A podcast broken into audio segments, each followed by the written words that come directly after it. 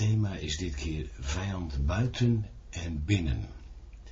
Eerst zijn er een paar schriftlezingen. Eerst uit Handelingen 19 vers 1. En terwijl Apollos te Korinthe was, geschiedde het dat Paulus, na door de bovenlanden gereisd te zijn, te Efeze kwam en daar enige discipelen vond. Tweede schriftlezing uit Efeze 1, versen 1 en 2. Paulus, door de wil van God en apostel van Christus Jezus aan de heiligen en gelovigen in Christus Jezus, die te Efeze zijn. Genade zij u en vrede van God onze Vader en van de Heer Jezus Christus. Derde schriftlezing, Handelingen 20, de versen 29 tot 31.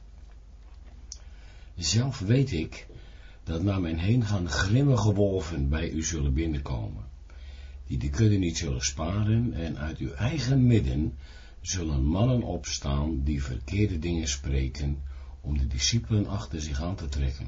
Waak dan en herinnert u dat ik drie jaren lang, nacht en dag, niet heb opgehouden, ieder afzonderlijk, onder tranen terecht te wijzen. En dan de vierde en laatste schriftlezing is uit openbaringen 2, versen 1 tot 7.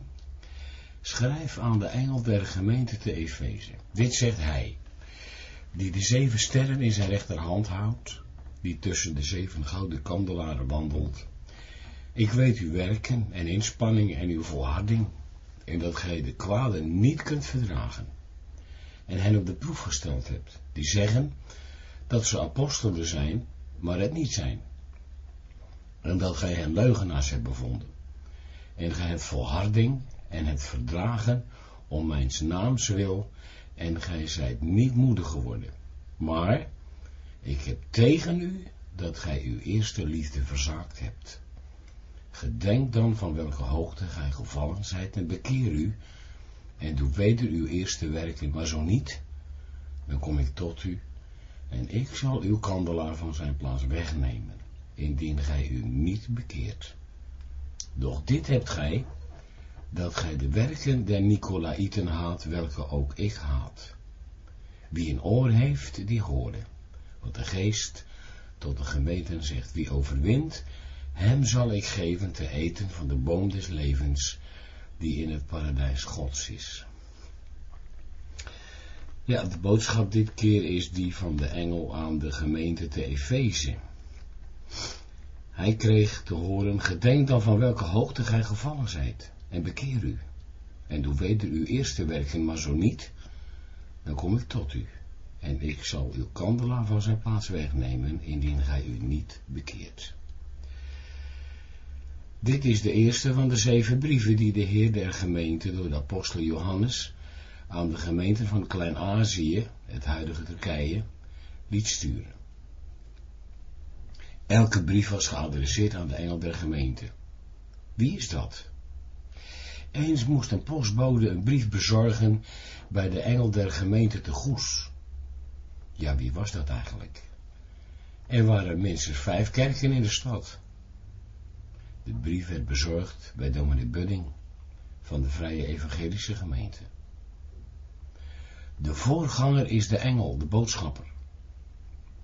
Er zijn vier momentopnamen van de gelovigen in Efeze. Op zijn zendingsreis, in handelingen 19, vond Paulus er twaalf discipelen van Johannes. Discipelen van Johannes van voor de tijd dat Jezus optrad. En tien jaar later, in het jaar 64, bleek er een gemeente in Efeze te zijn. Ze kregen een brief van de apostel Paulus. Die brief bevatte thema's van enkele liederen die we vandaag nog zingen. Zo uit de bundel van Johannes de Heer, nummer 838, Wij hebben de verlossing. En gezang 165, vers 1, Ontwaak gij die slaapt en sta op uit de dood. Deze brief was gericht aan de heiligen, zoals u en ik, niet de braven, maar zij die apart gezet zijn voor hem. En die gemeente was gebouwd op het fundament van apostelen en profeten, terwijl Jezus Christus zelf de hoeksteen is. Efeze 2 vers 20. Toen Paulus de brief schreef, zei hij ook, Maar dan groeien wij ons aan de waarheid houdende, in liefde, in elk opzicht naar hem toe, die het hoofd is, Christus. Efeze 4 vers 15. Ter onderscheiding van mensen die niet in Christus geloven, schreef hij, maar gij geheel anders. Gij hebt Christus leren kennen. Efeze 4 vers 20. Daarmee bedoelde hij niet dat gelovigen beter zijn dan andere mensen, maar anders, heel anders. En dat moet ook blijken. Anders is er iets mis. In Efeze wilde dat nogal wat zeggen. Het was de stad van de godin Artemis, ook bekend als de grote Diana. Verder waren er tempels voor de verplichte aanbidding van de keizer. En er stonden vervolgingen voor de deur. En Paulus waarschuwde ook nog voor misleiding. Laat niemand u misleiden, want door zulke dingen komt de toren gods over de kinderen der ongehoorzaamheid. Efeze 5 vers 6 In hetzelfde hoofdstuk gaf Paulus aan de gelovigen de opdracht, en bedrinkt u niet aan wijn, waarin bandeloosheid is, maar wordt vervuld met de Heilige Geest. Efeze 5 vers 18 dit betekent dat de gelovige om te beginnen uit zijn leven moet opruimen wat hij niet hoort. Geen navelstaren, geen zweverige meditatie, maar praktische opruiming in de krantenbak, de boekenkast, cb's, dvd's, internet. Ook gaf hij een beschrijving van de geestelijke wapenrusting van de christen. Dan mag, dan kan de christen bidden om de vervulling met de Heilige Geest, niet andersom.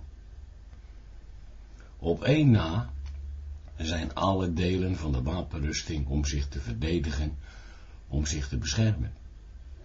Het enige offensieve uitrustingstuk is Gods woord, het zwaard des geestes.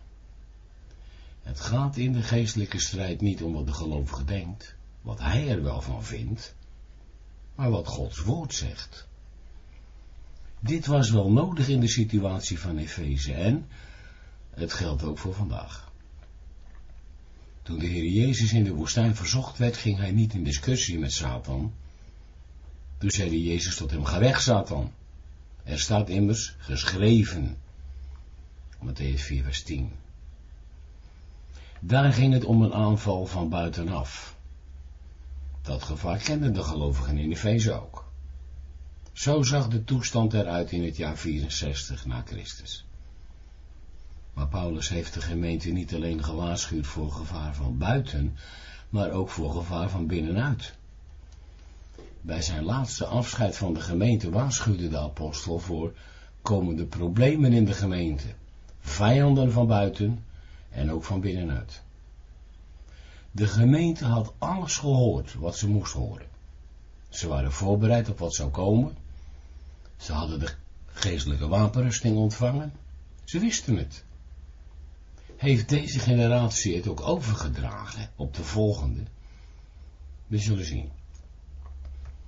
Ongeveer 30 jaar later kwam er een tweede brief voor de Efeziërs. Dit keer niet van Paulus, maar van Johannes. In opdracht van de Heer der gemeente, Jezus Christus zelf. Het persoonlijke bericht viel in de brievenbus van de voorganger. Daar stond, ik heb tegen jou. Over het hoofd van de voorganger van de gemeente heen was de boodschap ook bestemd voor de gemeente. Gemeente en voorganger zijn immers één, maar hij wordt aangesproken. Na dertig jaar was er een andere generatie. In dertig jaar treden er veranderingen op, maar alle verandering is geen verbetering. Zo ook niet in Efeze. De klacht was, maar ik heb tegen u dat jij jullie de eerste liefde verzaakt hebt. Gedenk dan van welke hoogte gij gevallen zijt. De gemeente heeft een smak gemaakt. Met alle goede dingen die er waren, was er ook ernstige kritiek. Het beestje werd bij de naam genoemd, zowel de goede als de slechte dingen. Wat was er gebeurd? Het ging toch nog altijd goed? Nee, blijkbaar niet. Ze hadden toch gewerkt. Ze hadden zich ingespannen, ze hadden volhard. Zelfs figuren die met, tussen aanhalingstekens, geestelijke verhaaltjes de gemeente wilden ombouwen, werden als valse profeten ontmaskerd. Zo behoort het ook. Maar ze hadden de eerste liefde verlaten. Wat betekent dit? Ze hadden vroeger blijkbaar iets dat ze nu niet meer hebben. Wat dan? De eerste liefde. En wat betekent dat in de gemeente? Dertig jaar eerder had Paulus aan de Efeziërs geschreven, maar dan groeien wij ons aan de waarheid houdend, in, elk, in liefde in elk opzicht, naar hem toe, die het hoofd is, Christus. Efeze 5, vers 14. De verwaarlozing van de eerste liefde hing kennelijk samen met de waarheid. Liefde tot de waarheid. Jezus is de waarheid. Daaraan vasthouden betekent hem liefhebben. Er zijn valse profeten in het midden van de gemeente opgestaan. Iedereen kende ze, voortrekkers, ijverige broeders, mensen met initiatief, met visie. Er moest een frisse wind in de gemeente komen. Het moest anders, vonden zij. Maar ter wille van de waarheid en aan de hand van Gods woord werden ze ontmaskerd. De gave van onderscheiding van geesten werkte in de gemeente en ze werden buiten gezet.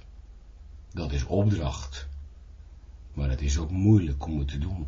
Het is beslist geen vrolijke bezigheid. Het betekent een crisis in de gemeente. Sommigen zijn voor, anderen zijn tegen, weer anderen begrijpen het niet. Het veroorzaakt verdeeldheid in de gemeente. Hoe moet het nu? Rust in de tent? Wat is de procedure? Die vinden we in Matthäus 18, vers 15 tot 17. Dat moet u eens lezen. Bij de toepassing van tucht zijn vaak brokken gemaakt. Afschaffen dan maar. Wie heeft daar toestemming voor gegeven? Als gelovigen in de gemeente moeten we ons ook aan Gods woord houden en ernaar handelen. Daarover geen discussie. Maar buigen voor het woord. Als ieder zich daaraan onderwerpt, wat men als lid bij toetreding tot de gemeente belooft, komt de oplossing. Als er sprake is van een ander evangelie dat binnensluipt, moet gelet worden op wat de apostel Paulus erover schreef aan de Galaten in hoofdstuk 1 en hoofdstuk 6. Vandaag is het modewoord tolerantie. Vaak wordt gevoelsmatig geoordeeld en gehandeld. Er wordt eindeloos gediscussieerd. Wat zei Jezus? Er staat geschreven, als het om de waarheid, om het evangelie gaat, doet de persoonlijke mening of voorkeur van het gemeentelid er niet toe. Wat zegt het woord? Dat heeft het laatste woord. Als het om de waarheid gaat, kan er van compromis geen sprake zijn. Maar zoals Paulus zei, het moet gebeuren in een geest van zachtmoedigheid. De gemeente die het toch zo goed deed, werd opgeroepen tot bekering, omkering. In openbaringen 2 van 1 tot 7 klinkt de oproep om terug te keren naar het begin. Hoe begon het ook weer? In eendracht, één van hart en één van ziel. Hoe kun je dat bereiken? Buigen voor het woord, net als toen. De persoonlijke mening ondergeschikt aan Gods woord maken. Dat is het kenmerk van de gemeente. Dezelfde Johannes die deze brief schreef, had al eerder en vaker in Jezus' naam geschreven. Een nieuw gebod geef ik u, dat gij elkander lief hebt, gelijk ik u lief gehad heb. Dat gij ook elkander lief hebt, hieraan zullen allen weten dat gij discipelen van mij zijt, indien gij liefde hebt onder elkander. Voor liefde staat hier niet het Griekse phileo, de natuurlijke liefde, maar vijf keer agape. Dat is de liefde die God in onze harten heeft uitgestort. Die liefde is tot offer in staat. En die kan zichzelf wegcijferen. Dat vraagt de Heer van zijn discipelen. Het betekent staan voor de waarheid. Niet de handhaving van een traditie. Die moet ook getoetst worden. Wat daarin niet goed is, moet opgeruimd worden. Als die wel goed is, moet ze gehandhaafd blijven. En dat moet de nieuwe generatie ook doen. Als er iets veranderd moet worden in de gemeente, mag dat niet gaan ten koste van de waarheid. Daarover valt niet te discussiëren. Wel over de kleur van de kerkdeur. Jezus roept niet op, of Jezus roept niet op tot het uiterste te strijden voor een traditie. Ook niet tot het doordrammen van een nieuw snufje. Hij riep op om tot het uiterste te strijden voor het geloof dat eenmaal de heiligen overgeleverd is. Tot het uiterste strijden is de vertaling van het Griekse woord doodstrijd.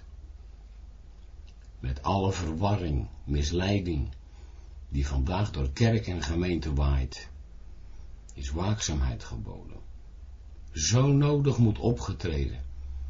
Geen softe tolerantie, maar handelen in liefde en beslistheid. Liefde is iets anders dan altijd toegeven. Soms is liefde hard, omdat het om de waarheid gaat. Die twee moeten in evenwicht gehouden worden. Die mogen niet tegen elkaar uitgespeeld worden. Het was dan ook niet overbodig dat de apostel riep, uitriep, om met de Heilige Geest vervuld te worden. Met minder kan het niet. Amen.